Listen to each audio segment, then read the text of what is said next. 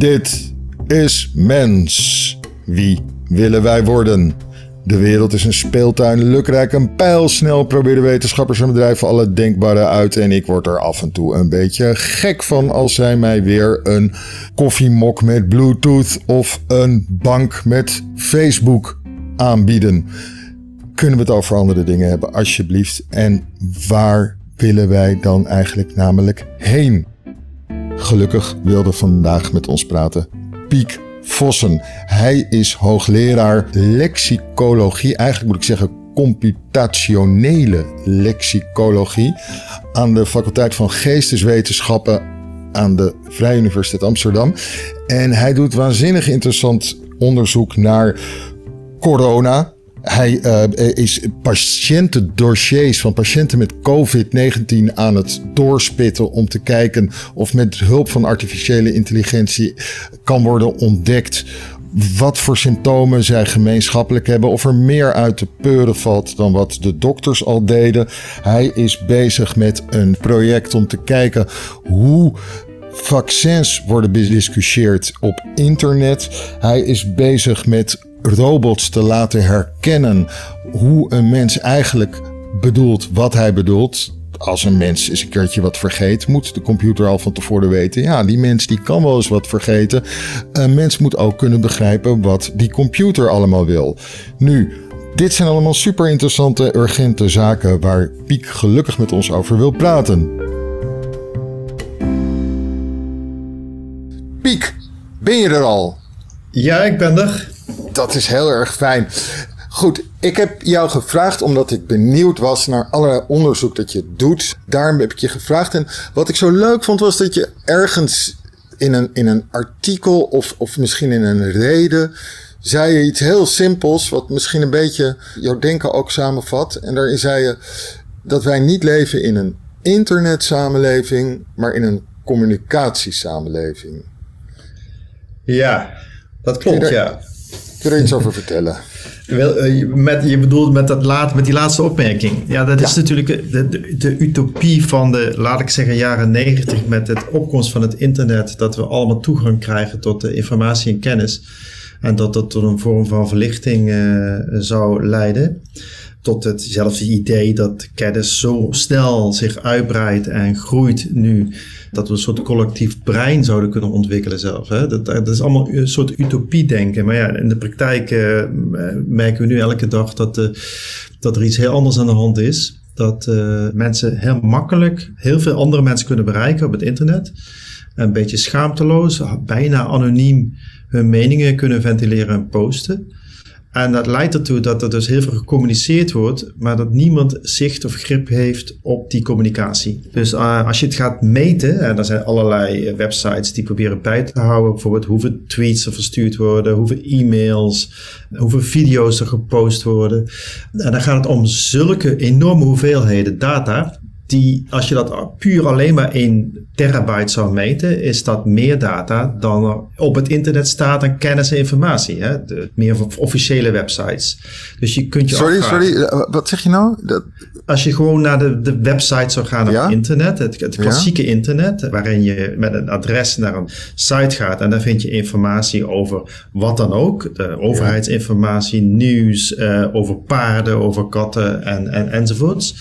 Nou, dat kun je schatten hoeveel dat is, allemaal bij elkaar. En het staat er en dat verandert wel een beetje, maar het verandert redelijk, is het nog redelijk stabiel.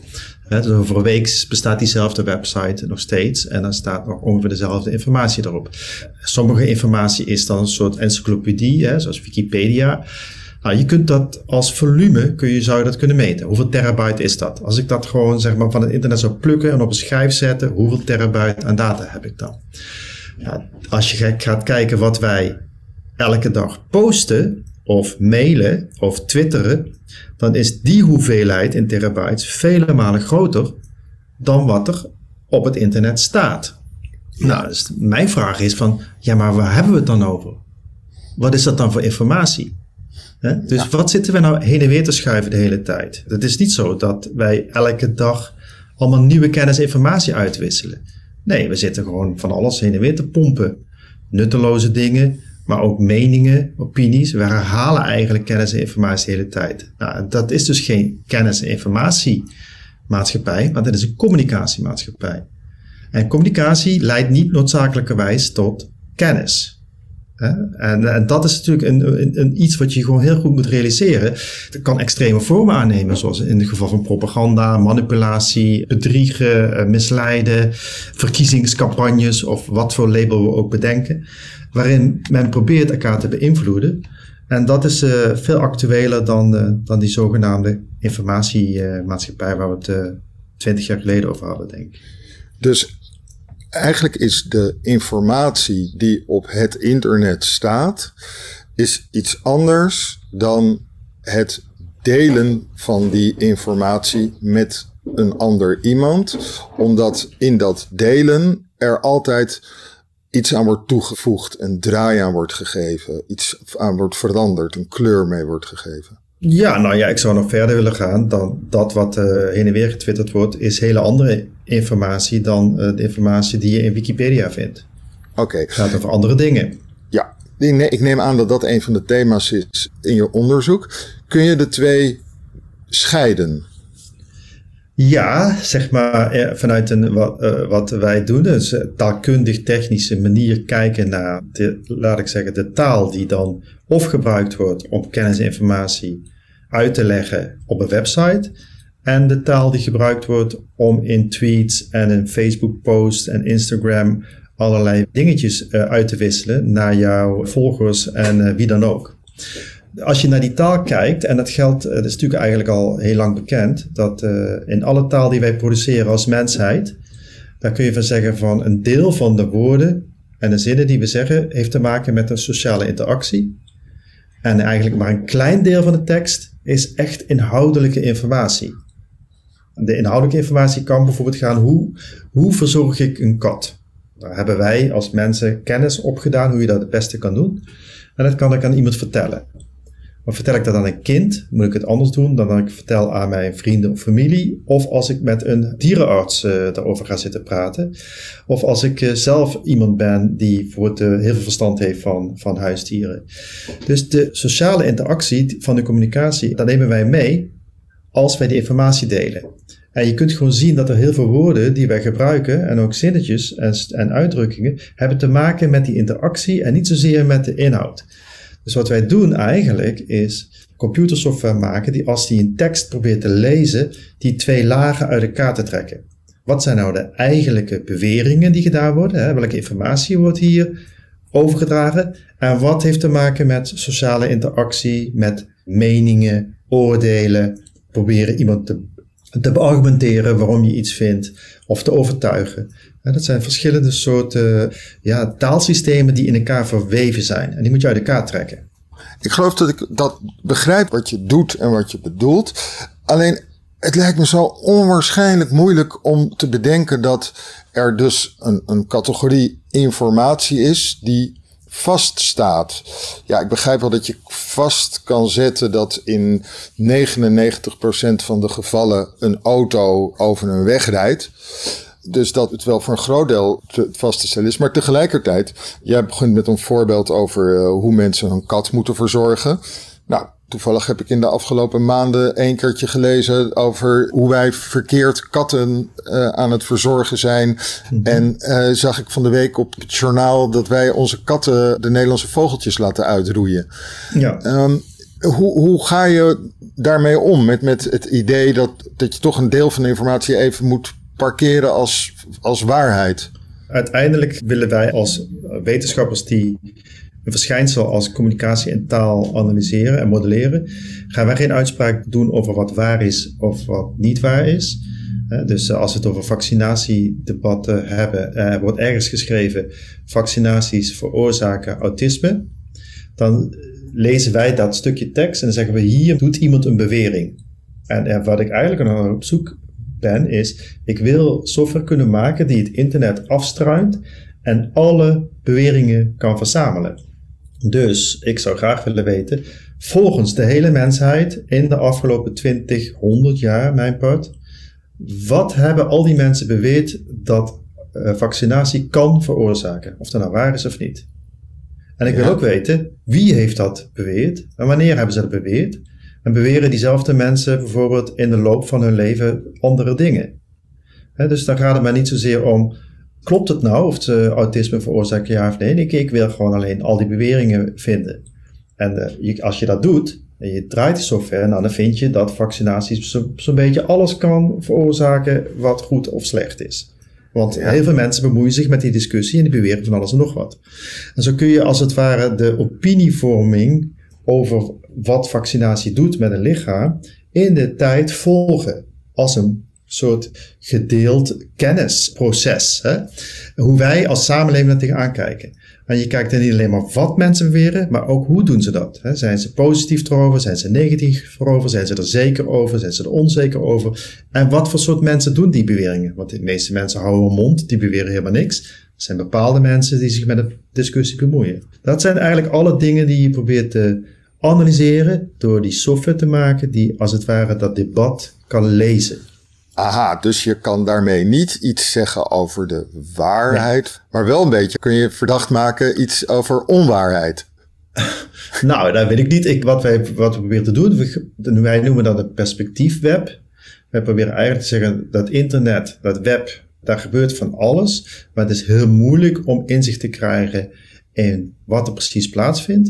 En die software kan je inzicht geven en daarna moet je daarmee doen wat je zelf wil.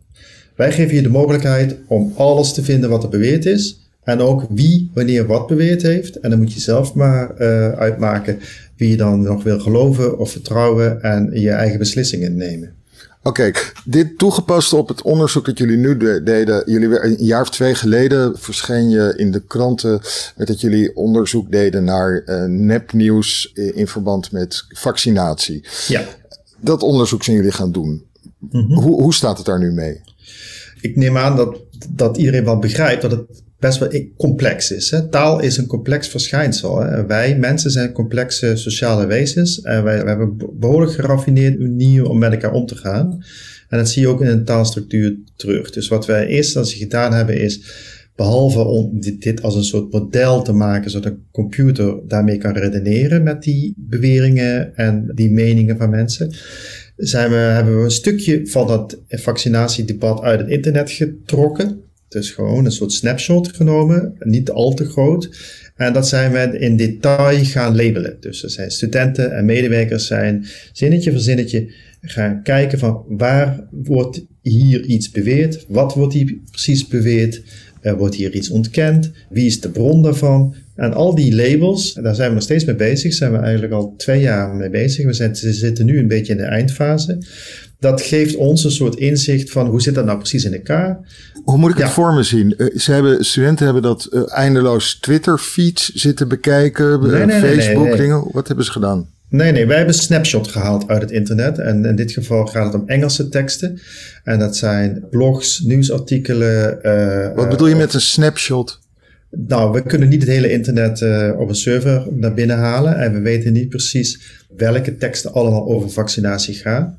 Dus we hebben een aantal dingen gedaan. Bijvoorbeeld, we hebben een gebeurtenis genomen. Dat was de uitbraak van eh mazelen in Disney World in Amerika. Waar vervolgens een hele rel is ontstaan en, en allerlei individuen, eh, groeperingen en overheden en instellingen een discussie zijn begonnen onderling over wie nou de schuld heeft en wat er allemaal aan de hand is. Daar hebben wij geprobeerd om eh, een groot aantal van die teksten van het internet te halen en dan op te slaan op een schijf. Hoe? Gewoon door te googlen op trefwoorden? Ja, dat zijn stukken programma's die kunnen eh, stukken internet kopiëren naar jouw schijf op je computer. Dat zijn zogenaamde scrapers of crawlers, zo heten die programma's. Sommige zijn gebaseerd op een soort meta-search, dus die zoeken in een aantal zoekmachines met keywords naar eh, bijvoorbeeld als, zoals vaccinatie of vaccineren. En dan vind je allerlei web- websites en die worden dan allemaal naar binnen geslurpt en op je schijf gezet. En zo zijn er een aantal andere manieren om dan van die websites weer links naar andere sites te volgen. En zo haal je steeds maar binnen. En als je Ja. te veel doet, dan krijg je een soort drift en dan ga- krijg je hele andere onderwerpen. Ja, ja. En dan heb je gegeven moment gewoon een hoeveelheid data en dat is het dan. En dus op een bepaald moment is dat dus in kaart gebracht. En dat analyseren we nou in detail. En natuurlijk is daarvoor en daarna nog altijd nog veel meer geschreven, maar dat is allemaal iets voor later. Je zei, je, nu gaan jullie hier naar het einde toe. heb je al een idee waar dat heen gaat? Nou, het einde is in eerste instantie. In de wetenschap heb je trouwens sowieso nooit een einde. Maar dit is het, dit is het einde van uh, een aantal stukjes onderzoek die we gestart hebben. Waarin al die teksten die we verzameld hebben. Daar gaat om ongeveer 300 documenten. Hè, dus je moet niet denken dat het om miljoenen gaat. Maar het zijn wel bijvoorbeeld. Uh, ik kan uit mijn hoofd iets van 40.000, dacht ik. Plekken in die teksten waar iets genoemd wordt dat het te maken heeft met vaccinatie. Dus dat kan bijvoorbeeld zijn dat er een negatief effect is van vaccinatie. Of dat vaccinatie levens gered heeft. Of dat uh, een vaccinatiecampagne gestart is in een bepaalde periode. Dus allerlei gebeurtenissen en, en, beweringen. En er zijn er 40.000 van die plekken. Nou, en dan vervolgens weten we ook of dat bijvoorbeeld ontkend wordt of dat het bevestigd wordt. En we weten ook of het zeker is of onzeker. We weten ook of iemand daar een positief of negatief sentiment heeft. En we weten ook wie degene is die dit beweert. En aan de hand van die labels die die studenten hebben aangebracht, kunnen wij nu computerprogramma's maken die dat daarvan kunnen leren. En als die dat goed geleerd hebben, dat gaan we dan testen, kun je dat programma loslaten op het hele internet. En dan hoeven we niks meer met de hand te doen. En dan kan ik proberen het hele debat te lezen. Oké, en het gaat dat twee kanten op? Komt dat uiteindelijk op een soort continu veranderende hoeveelheid informatie over wat er veel gebruikt wordt in het debat en wat er weinig gebeurt in het debat? En kan het ook zo zijn dat je een vraag kan stellen? Dus dat ik kan zeggen van, hé, hey, eh, hier staat dit. Wat is de achtergrond van die bewering? Uh, nou ja, zeg maar dingen wat, wat veel en weinig voorkomt, dat kun je eigenlijk best wel snel al doen op, met hele, hele eenvoudige technieken. Dat is al heel veel gedaan. Hè. Ik weet niet of je de Google Books bijvoorbeeld, hè, dat is dan, daar, kan iedereen uh, in het internet uh, leuk zoeken in uh, boeken die Google geïndexeerd heeft over honderden jaren. En dan zie je bijvoorbeeld het gebruik van bepaalde woorden, zoals penicilline, opkomen en verdwijnen en ja. allerlei andere zaken in de tijd. Hè. Dus dat soort trendachtige analyses kun je eigenlijk al heel eenvoudig doen. Dus wij proberen eigenlijk het een stapje verder te brengen. En dan, dan, dan zou je kunnen vragen aan zo'n systeem van welke dingen worden voorkomen door vaccinatie? Of wat zijn bijeffecten van vaccinatie? Of op welke leeftijd worden kinderen meestal gevaccineerd? Maar dat soort dingen kun je aan het systeem vragen. Je kunt ook vragen van, geef mij een lijst van iedereen die uh, tegen vaccinatie is. Of uh, die voor vaccinatie is. Uh, is het niet ook een soort droom voor de populist? Want nu krijg je toch gewoon, wat is de common sense? Wat vinden wij allemaal het meest? Ja, als, als, als de populist geïnteresseerd is in wat mensen in hun algemeenheid allemaal beweren op het internet, dan kan hij dat op die manier monitoren, ja.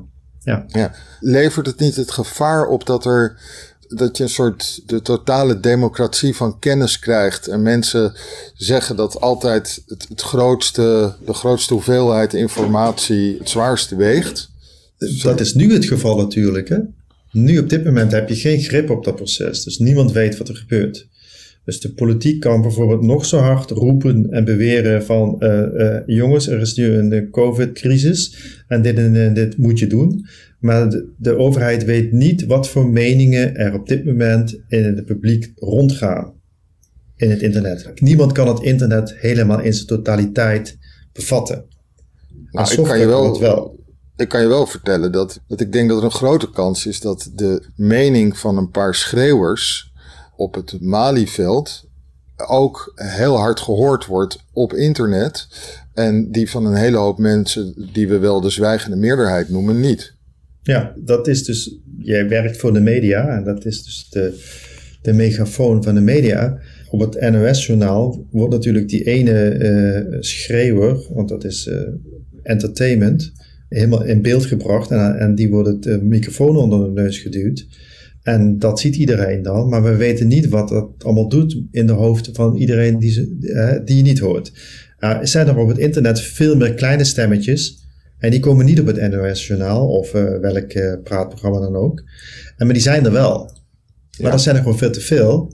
En er gaat ook niemand gaat de moeite nemen om die allemaal op te zoeken. Dat kun je als journalist ook helemaal niet volgen, bijvoorbeeld.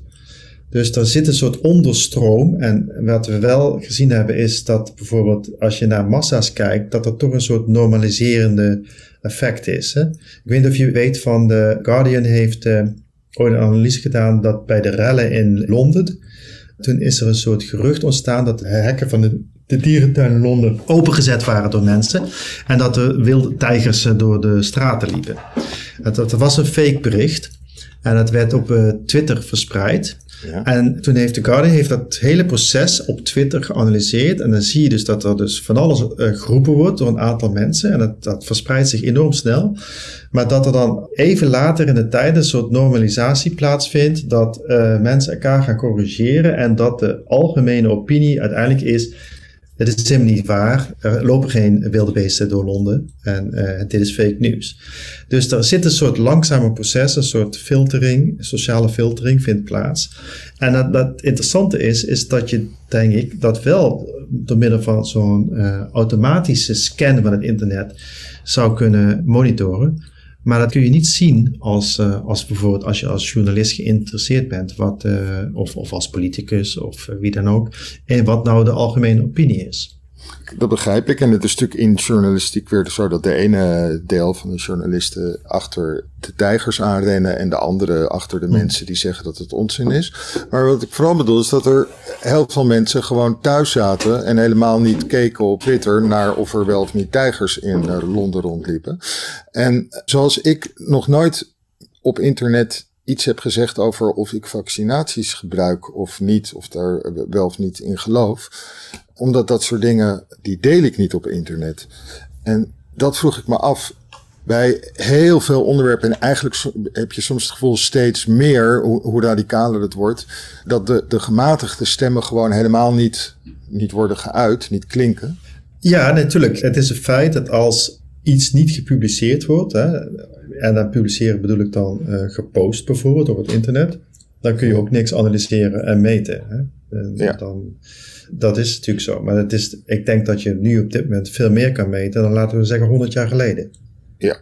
Laten we even verder gaan. Het COVID-19 onderzoek, daar helpen jullie ook bij. Waar we het nu net over hebben, dat, eh, klopt het dat dat ook eh, wel de naam text mining heeft? Ja, nou, ja, dat text mining is de populaire naam. Ja. Dus wij hebben het eigenlijk, we noemen dat de language understanding by machines. Dus het gaat om zoveel mogelijk het signaal van als iemand taal gebruikt en hij, probeert, hij, hij zegt iets of schrijft iets, om dat te interpreteren en te duiden. Ja. En dat kun je dus voor debat gebruiken, maar dat kun je ook voor uh, patiëntenrecords uh, gebruiken. Oké, en dat is wat jullie nu met uh, COVID doen? Ja, klopt, ja. ja. Wat doen jullie? Nou, dat is een samenwerking met onderzoekers aan de VUMC. Die zijn met name geïnteresseerd in het herstel van de COVID-patiënten. Dus niet zozeer de klinische behandeling. Waarvan steeds meer bekend is dat er dus uh, ja, best wel veel mensen allerlei klachten overhouden. En die, die vrij lang duren. En dat gaan gaan op het niveau van kunnen lopen, uh, spierkracht, conditie, ademen, tot stemming, concentratieverlies. Dus een heel scala van klachten. En uh, het is niet goed bekend van in wat voor mate dat voorkomt, hoe lang het duurt. Uh, er is ook niet weinig over bekend uh, wat mogelijke factoren zouden kunnen zijn die dat beïnvloeden.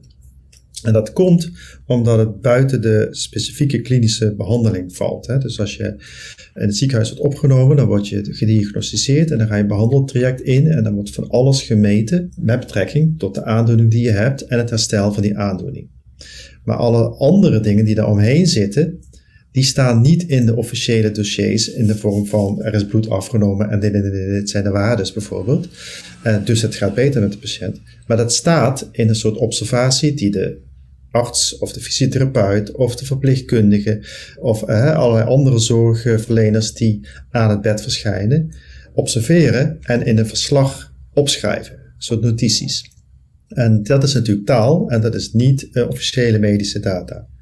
Ja. Nou ja, eh, ons is uh, de taak toebedeeld om te kijken of wij dat niveau van functioneren van de patiënt kunnen lezen uit de patiëntendossiers. Ja. Zijn er al bevindingen die jullie hebben gedaan? Ja, nou, we zijn in half juni begonnen. We hebben een beetje geld gekregen, niet zo heel veel, voor een pilotstudie. En het zijn acht medische studenten die zijn nu al ongeveer, zitten we nu half september, ja, die zijn anderhalve maand, zes weken al bezig om die dossiers te lezen en aan te geven van, oh wacht even, hier gaat het over het lopen van de patiënt en uh, dit is het niveau waarop die patiënt vandaag kan lopen. En hier gaat het over de, stemming en de stemming kunnen we scoren op een soort schaal van 1 tot 5 uh, eh, en vandaag was de stemming 2 en over een week is die stemming 3.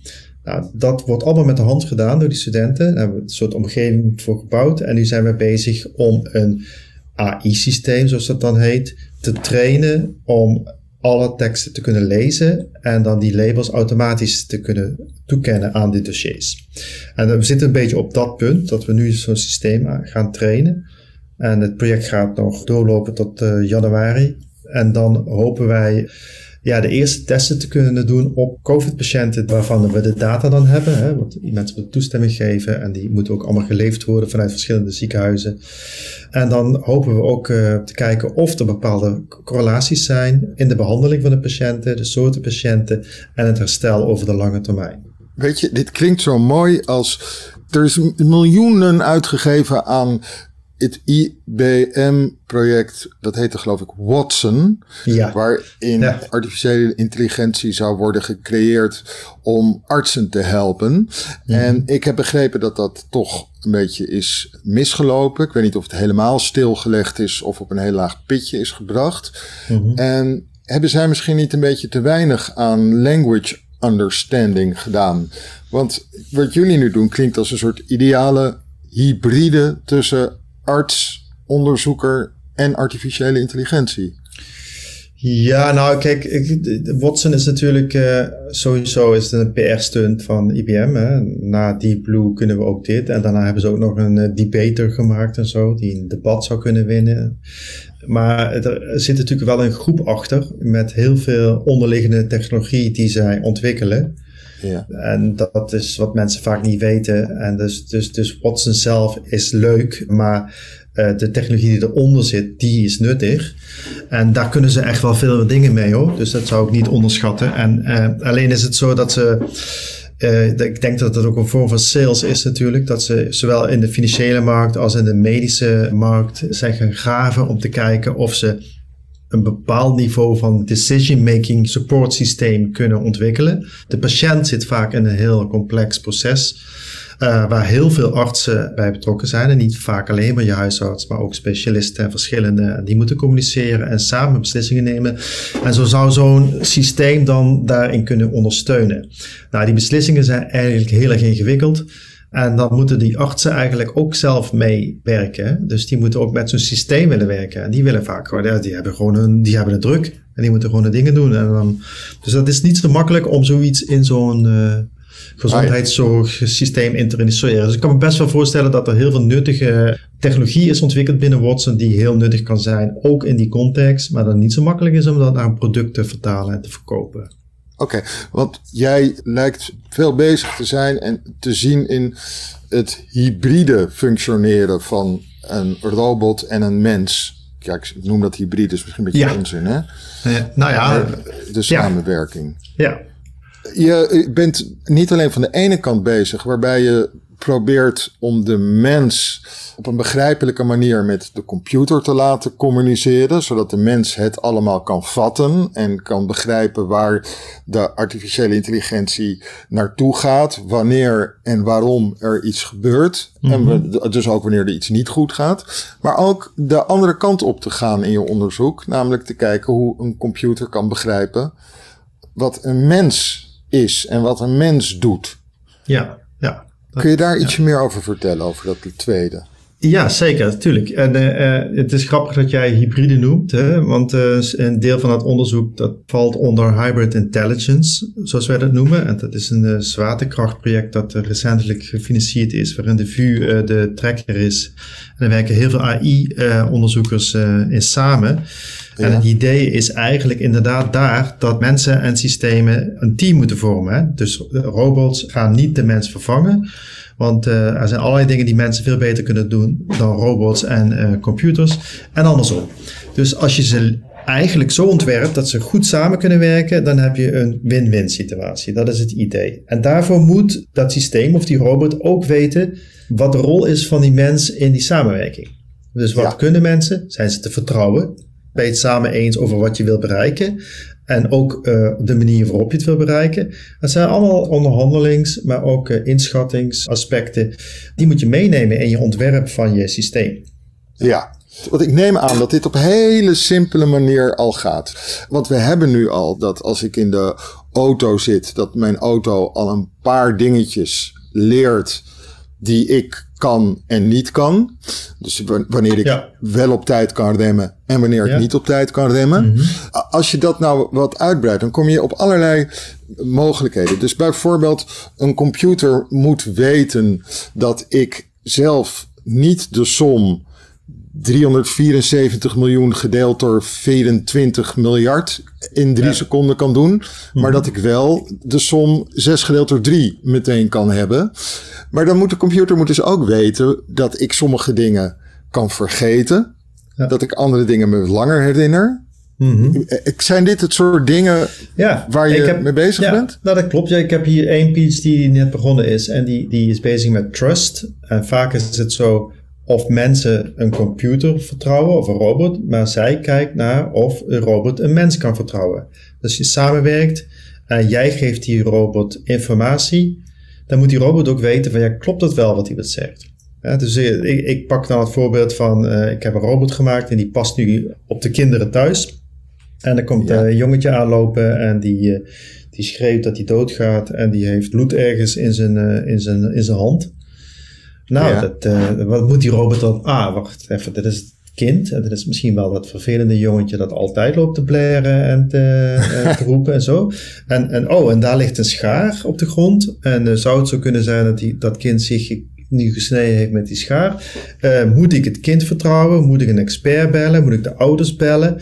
Dus er zijn heel veel beslissingen die, die te maken hebben met inschatten van de situatie, waarbij het systeem niet alle informatie heeft om de situatie in te schatten en waarbij de bron niet betrouwbaar is. Ja, en ja. binnen dat soort contexten moet zo'n systeem toch op een goede manier beslissingen kunnen nemen en reageren. Ja, en dit is het moment waarop je me gerust moet stellen. Want wat ik vaak hoor van mensen dan, is dat als ze daarover verder praten, dat ze dan zeggen: het enige waar we op af kunnen gaan is de data. Dus als wij die computer maar heel, heel, heel veel van die situaties, uh, echt in het echt gebeurt, die situaties hmm. geven, waarbij een jongetje zo eraan kwam lopen, hmm. dan moeten we hem uiteindelijk laten handelen op basis van het grootste aantal data. Ja, nou, dat is niet mijn antwoord. Uh, mijn antwoord is, uh, is eigenlijk van dus dat systeem moet communiceren met de mensen waarmee dat systeem samenwerkt. Dus je moet voortdurend aftasten bij elkaar van bijvoorbeeld, oké, ja, ja, je zegt het nou wel, maar zoals wij dat ook doen, maar ben je niet een beetje te verdrijven, oh, het valt wel mee, of uh, nee, doet het echt pijn. Dus je moet als het ware de hele tijd aftasten, wat zijn de waardes, hè, en dan hebben we het eventjes veel breder dan alleen maar dat, uh, dat jongetje. Uh, wat zijn de waardes van mijn mede-teamgenoot? Wanneer worden die waardes overschreden? En hoe ga je daarmee om? En wat zijn de implicaties van wat we nu doen ten opzichte van, van die andere participant of van andere mensen? Ja. Dus uh, dat is geen statisch iets. Je kunt het niet offline leren of heel veel data en dan zeggen nou komt het weer goed. Nee, dat moet allemaal dynamisch en in onderhandeling met elkaar moet je dat oplossen. Oké, en zo ben je dus eigenlijk uh, iets wat irrationeel lijkt aan het vertalen naar een rationeel model. Ja, rationeel. Daar zit dus, uh, ja, bijvoorbeeld als je deze systemen die gebaseerd zijn op data, die getraind worden, zijn heel associatief. Hè? Er zit weinig rationaliteit in, maar die zijn extreem goed in het herkennen van hele genuanceerde uh, contextsituaties en dan maar de beste beslissing te nemen. Rationaliteit moet er echt bij komen. En rationaliteit, dat vind ik, dat is niet alleen maar wiskunde of natuurkunde of scheikunde, maar rationaliteit is ook ethiek, dus omgaan met uh, sociale waardes van de maatschappij. Dus uh, sommige dingen doe je gewoon niet. Bijvoorbeeld is, uh, ik heb een robot gekocht, is mijn eigendom, die moet doen wat ik zeg, dus ik zeg, robot, zet die vuilniszak maar bij de buren in de tuin. Dan moet die robot eigenlijk zeggen, nee, sorry. Ja, ik weet dat je mijn baas bent en eigenaar, maar ik doe het niet. ja, maar dat zijn hele ingewikkelde zaken. Hè? Want ja, wat is jouw robot? Hij heeft dus feiten, eh, die robot moet de normen en waarden van een samenleving combineren met jouw normen en waarden en daar een optimale balans in vinden. Dat is een andere vorm van rationaliteit dan alleen maar uh, de harde wetenschap. Je hebt het ook een keertje ergens over dat een robot ook een, uh, dus een eigen wil heeft, een persoonlijkheid heeft, maar ook een eigen geweten. Uh, dat heb je volgens mij niet van mij. Jawel, uh, dat heb je geschreven ergens. In een heel, nou. in een heel populair uh, artikel, althans niet een wetenschappelijk stuk. nou, laat ik het zo zeggen. Hij heeft, de robot heeft wel een wil. Dat, dat, dat, dat proberen we in te bouwen. Dus een drive noemen wij dat dan. En, uh, maar die, die moet wel gebaseerd zijn op een bepaalde ethiek. Als je dat dan als geweten wil vertalen, oké.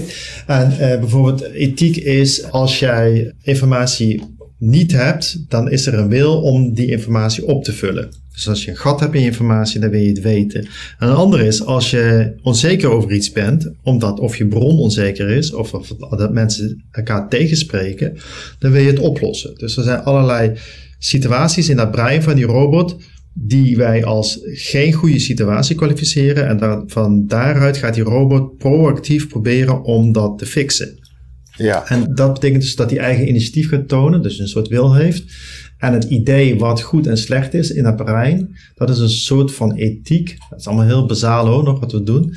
Dat kun je dan zien als een geweten. Ja, dus als hij dus een een slechte toestand in zijn brein heeft, dan probeert hij dat te verbeteren. Dus hij gaat iets doen en kijken of hij nou beter geworden is dan daarvoor. Oké, oké, oké. Hoe om te gaan met alle dingen die wij zelf niet weten. Dus we komen door die robots komen we op fantastische dilemma's en vragen over onszelf uit. ik heb een tijden geleden een toneelstuk gezien van Arnold Grunberg, waarin een man met pedoseksuele gevoelens een jongetjesrobot heeft. Nou, zeer onaangenaam om naar te kijken. Maar aan de andere kant dat je denkt van ja, maar ja, hij doet dus geen mens kwaad en, en lost hiermee zijn gevoelens op. Um, zo, zo zijn er nog honderden, duizenden, miljoenen ethische dilemma's voor te stellen. Ja. Moeten we daar in verband met robots op een andere manier over nadenken? Ik zou zeker uh, uh, heel goed erover nadenken en zeker out of the box, want we hebben geen idee wat, uh, wat dat betreft er allemaal op ons afkomt. Dus nadenken is altijd goed, hè? Zou ik zeggen. ja. Wat denk je, dus, wat, wat kom je tegen aan nieuwe ethische problemen? Die... Nou, ik denk dat, uh, dat als, op het moment dat je, zoals wij proberen te doen, zo'n robot echt in een echte situatie zet, uh, dat je als het ware struikelt over, uh, over allerlei ethische bezwaren. Zeker dus dingen die mensen inbouwen, dus dat systemen adaptief zijn, dat ze zelflerend zijn, dan weet je niet waar het heen gaat. Dus je, ja, je weet niet waar je moet beginnen wat dat betreft. Dus, uh, dus hoe? Dus ik denk zelf dat daar de oplossing is dat die systemen moeten onderhandelen over die normen en waarden. Want die normen en waarden kun je niet van tevoren vastleggen, die veranderen de hele tijd. Dat verschuift. Ja. En dat onderhandelingsaspect, dus het informeren van oké, hoe voel je je? Wat doet dit met jou? Uh, dat soort uh, eenvoudige vragen die we elkaar uh, de hele tijd stellen. Dat moeten die systemen eigenlijk ook leren doen. Ja, het heeft weinig zin om nu te zeggen wat zijn nu de volgende. Wij denken nog heel erg in kleine setups en experimenten. Want we zijn nog lang niet zover dat we zoiets zeg maar naar buiten de straat op sturen. Dus de, de, de ethische dingen die wij hier tegenkomen in, in zeg maar mijn uh, kleine lapje, dat is, dat is nog niet zo interessant voor het, uh, voor het brede publiek. Nee, nee. Eigenlijk ben jij bang dat wij, althans niet bang, maar eigenlijk ben jij bezig met dat wij straks kunnen begrijpen hoe die systemen hiermee om zullen gaan en hoe die systemen daarover kunnen nadenken en hoe wij in taal opdrachten kunnen geven en hun output kunnen begrijpen. Ja, en andersom eigenlijk met name. Hè? Kijk, dat, ik vind niet dat het nodig is dat mensen ook precies weten wat gebeurt er nou zogenaamd in dat hoofd van die robot. Want dat, dat zijn toch allemaal nullen en enen die er ergens uh, in zitten. Maar ze moeten als het ware het systeem herkennen, zoals je ook het belastingssysteem kent, zoals het werkt. En dus uh, je krijgt een wisselwerking dat mensen weten van wacht even, ik ga met deze robot samenwerken, maar ik kan met die robot het hierover hebben. Ik kan, ik kan met die robot bespreken dat ik graag dit en dat wil. En die robot gaat misschien met me mee, maar die gaat misschien niet met me mee. Nou, dat zul je allemaal moeten weten. Het, is, wordt gewoon een instrument, maar wel een heel complex soort instrument, die met jou dadelijk de samenleving uh, ingaat. Ja, ik vind het meer een wisselwerking dan uh, dat uh, mensen een robot moeten begrijpen. Het gaat echt twee kanten op. Oké, oké. Nou, dan wil ik je nog, nog tot besluit nog, nog, nog een heel open vraag stellen, nog veel opener. Dat de laatste tijd heb ik gelezen over de theorieën over het bewustzijn. Uh, over hoe moeilijk wij het vinden om te begrijpen wat het bewustzijn is. Ik las ergens bij jou een aantal dingen die mij hier aan deden denken. Aan de vraag voor mij opwierpen van...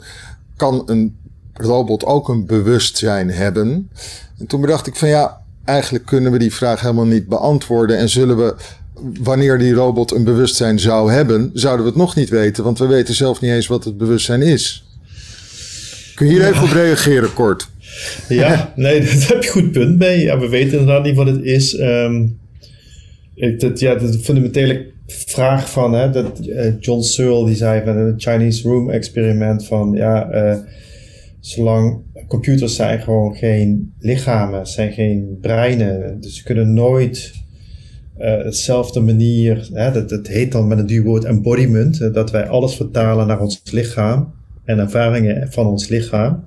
Maar ik, ik, denk dat je best wel heel veel ver kan komen door allerlei stukjes daarvan te simuleren in een fysieke robot. Dus uh, natuurlijk kan ik allerlei sensors bouwen, ik kan daar allerlei prikkels opslaan, ik kan heel ver gaan in het nabouwen van een mens wat dat betreft. Of we daarmee bewustzijn creëren, ja, ik weet het niet. Ik, ik, ik weet ook niet precies wat mijn bewustzijn is. Ik ben het met je eens. Ik weet ook niet zeker of ik mezelf kan overzetten naar een digitaal brein. Dat zou ik ook niet weten. Voorlopig niet. Dus voorlopig speelt dat niet. Dus uh, ik denk eerlijk gezegd, van, het is een hele interessante vraag, maar ik denk die vraag stellen geeft ons niet meteen antwoorden. Ik denk dat die vraag te vroeg komt, uh, misschien 10, 20 jaar. En misschien moet je hem over 20 jaar nog eens stellen. Dat, dat we dan meer inzicht hebben. Misschien kunnen we dan wel meer beantwoorden. Sorry, ik heb nog één, één extra vraag.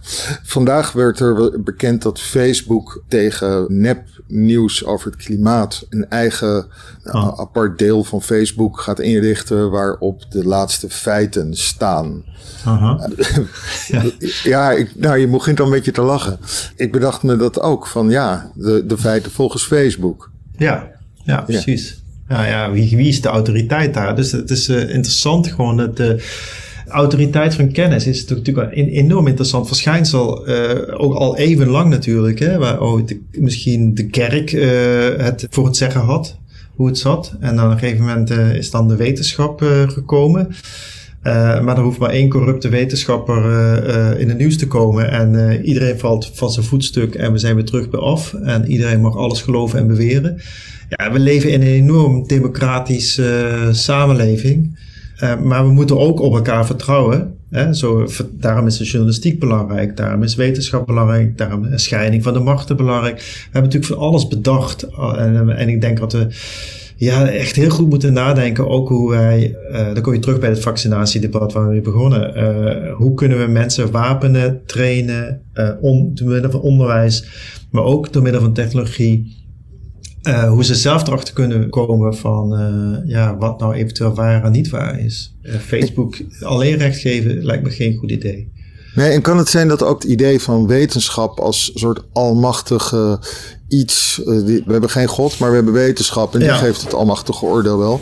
Dat, ik weet nog dat ik het heerlijk vond dat het kabinet toen corona net uitbrak in Nederland, dat ze daar echt zeiden van wij gaan voor de wetenschap. Maar daar had eigenlijk, eigenlijk had dat moeten zijn, wij gaan voor de voortschrijdende inzichten van de wetenschap. Ja, dat, is, klopt. Ja, daar heb je helemaal gelijk in. Ja, en, en goede wetenschappers die, die, die, die zullen dat ook beamen. En degene die in de machtspositie in de wetenschap zitten, en die zullen misschien een eigen machtspositie beschermen. Maar eh, je moet altijd uh, in de, als wetenschap bereid zijn aan stoelpoten te, te zagen. Anders ben je geen goede wetenschapper volgens mij. Ook je eigen. Piek, dankjewel. Ja. Piek Graag gedaan. heel erg bedankt. Dit was uh, weer een hele, heel veel verduidelijking. Kunnen wij ook al ergens iets zien van je onderzoek? Speciaal het, het, het onderzoek naar de vaccinaties. wanneer kan ik er voordeel aan hebben? ja, ik denk dat, ja, dat die vraag wordt best wel vaak gesteld. En ik denk dat, dat, uh, ja, dat het niet zo heel snel gaat, dat soort dingen eerlijk gezegd. En uh, ik praat wel eens met bedrijven die proberen dat soort inzichten dan te vertalen naar producten en zo. Ja, ik, ik gaf het al aan aan het begin. Het is niet zo makkelijk, uh, ook niet voor systemen om zoiets in zijn, in, in zijn volledigheid te, kunnen duiden en in kaart te brengen. En ja, het is echt iets voor lange adem.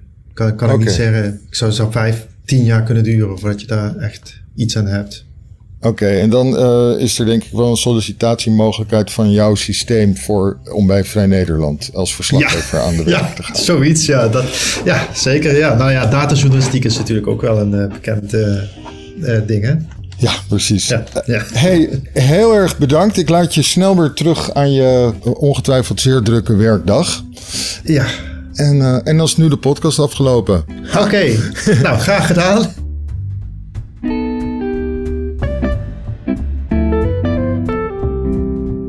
Dit was Mens, een podcast gemaakt door Sander Pleij en Hans Poel voor Vrij Nederland. Vrij Nederland bestaat 80 jaar. Het is 2020.